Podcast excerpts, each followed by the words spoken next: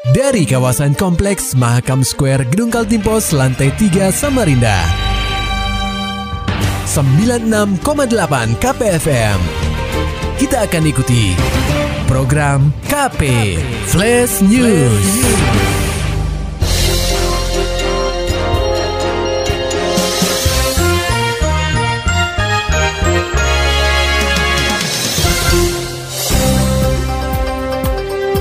Pendengar KP, dua demonstran Omnibus Law ditahan polisi, lima legislator Karangpaci usahakan penangguhan. Laporannya disampaikan reporter KPFM Samarinda, Maulani Alamin. Pendengar KP, sebanyak lima anggota DPRD Kaltim menyambangi Mako Polres Samarinda Jalan Slamet Riyadi, Selasa 10 November 2020. Kedatangan legislator Karangpaci tersebut bertujuan untuk mengajukan penangguhan terkait penahanan dua demonstran oleh kepolisian. Kelima anggota dewan itu adalah Wakil Ketua DPRD Kaltim Sigit Wibowo, kemudian Baharudin Demu, Syafrudin, Sutomo Jabir, dan Romadoni Putra Pratama. Kedatangan mereka langsung diterima Waka Polresta Samarinda AKBP Dedi Agustono, didampingi Kabak Ops Polresta Samarinda Kompol Ahmad Andi Suryadi, serta Kasat Reskrim Polresta Samarinda Yuliansyah. Diketahui polisi telah menetapkan dua tersangka pasca aksi unjuk rasa yang terjadi di gedung DPRD Kaltim, Jalan Teku Umar pada Kamis 5 November 2020 lalu. Dua mahasiswa tersebut berinisial WJ dan FR. WJ ditetapkan tersangka usai terekam oleh video amatir melakukan pelemparan batu kepada petugas. Sementara FR kedapatan membawa badik sepanjang 25 cm yang tersimpan di pinggang sebelah kiri. Syafrudin kepada awak media mengatakan, kedatangan mereka ke Mako Polres bukan untuk mengintervensi proses hukum. Ya tugas kita semua, para senior membina, membimbing adik-adik. Ya memang mereka butuh butuh pembinaan, butuh arahan aja itu. Sementara itu Baharudin Demu menyebutkan pihaknya belum bisa menemui kedua mahasiswa tersebut karena rapid test atau tes cepat mereka menunjukkan hasil reaktif sehingga harus melaksanakan isolasi mandiri. KPFM Samarinda, Maulani Al-Amin melaporkan. Berita selanjutnya pendengar KB, proyeksi anggaran pendapatan dan belanja daerah atau APBD 2021 dikabarkan kembali bertambah, yakni sebanyak 11 triliun rupiah. Demikian yang disampaikan Wakil Ketua DPRD Kaltim Sigit Wibowo. Sigit menjelaskan peningkatan tersebut terjadi setelah diketahui bahwa ada sisa lebih pembiayaan anggaran atau silpa APBD Kaltim di tahun sebelumnya. Kemarin informasi dari pemerintah di angka 11. Oh 11? Ya. Bertambah lagi bang ya? Bertambah lagi. Iya. Nah itu juga yang Alasannya bang? yang membuat kita ya kan, yang membuat membuat DPR ini bertanya-tanya lagi gitu loh. Oke. Ini kan sudah kita bahas di awal 9 triliun. Iya. Kemudian ada eh, pengurangan DBH kita jadi di angka 8 ya. Di angka 8. Kita utak-atik utak-atik di angka segitu kemudian tiba-tiba muncul 11 itu kan. Saya bilang waduh nggak bisa juga ini. Ini Iya. belum perlu penjelasan mendalam lagi terkait itu.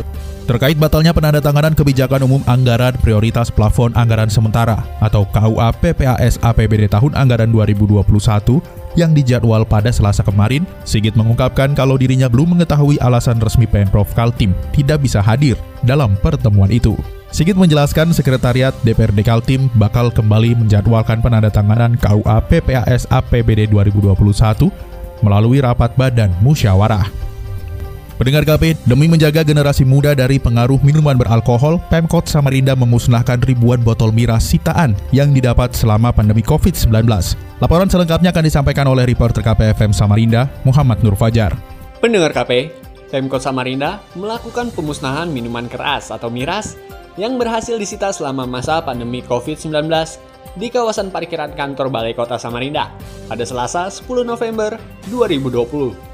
Tercatat sebanyak 72 kaleng dan 2.586 botol miras berbagai jenis langsung dimusnahkan dengan cara digilas oleh satu unit alat berat. Pemusnahan miras ini juga bertepatan dengan peringatan Hari Pahlawan yang jatuh pada tanggal 10 November. Wali Kota Samarinda, Syahri Jaang menuturkan, pemusnahan ini sebagai bentuk upaya jajarannya untuk menyelamatkan generasi muda di kota tepian dari bahaya miras, di mana pengaruhnya mampu membuat kaum milenial menjadi nekat berbuat tindak kriminalitas.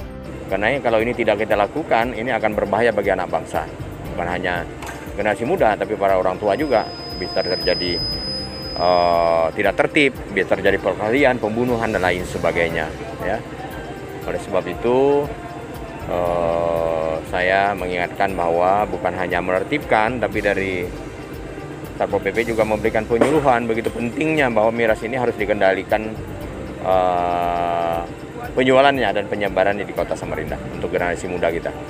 Orang nomor satu di kota tepian ini turut menjelaskan, seluruh miras yang dimusnahkan ini merupakan hasil dari operasi justisi yang dilaksanakan oleh jajaran Satpol PP Samarinda di beberapa toko kelontong. Kekhawatiran Jaang semakin memuncak saat ikut dalam penindakan bersama Satpol PP Samarinda di beberapa titik yang dicurigai, bukan tanpa alasan. Rata-rata, toko kelontong yang ketahuan menjual minuman beralkohol ini berada dekat dengan institusi pendidikan.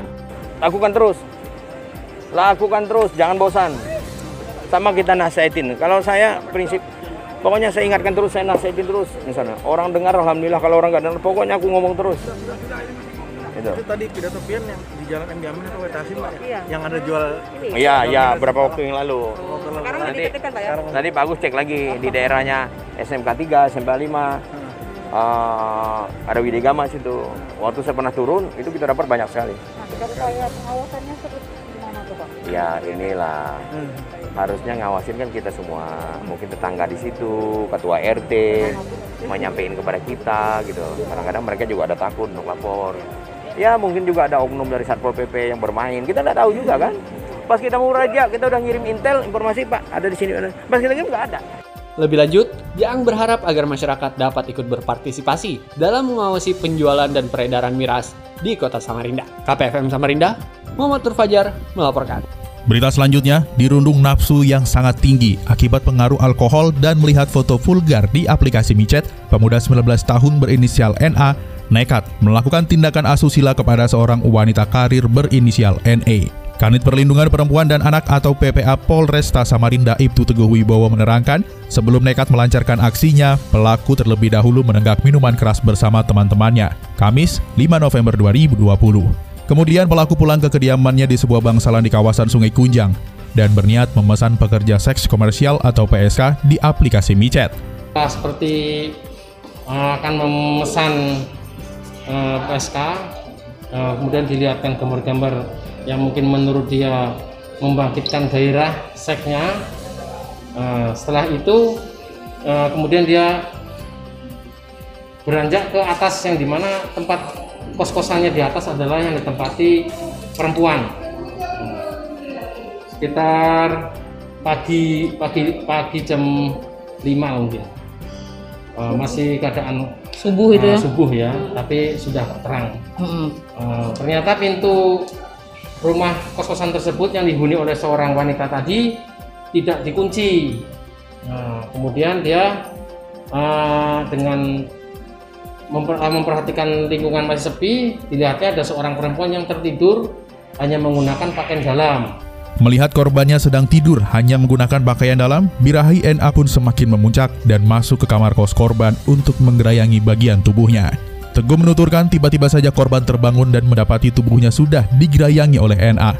Sontak korban langsung berteriak meminta tolong, hingga akhirnya pelaku berhasil diamankan oleh warga sekitar.